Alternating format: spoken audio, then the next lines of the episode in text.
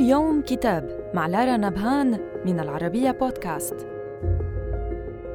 كتابنا اليوم بعنوان إعادة قراءة التاريخ للباحث الدكتور ياسر شحاتة، وهو موسوعة من ثلاثة أجزاء، سعى فيها الباحث إلى دراسة تطور الحضارتين الغربية الأوروبية من ناحية والشرق أوسطية العربية من ناحية أخرى.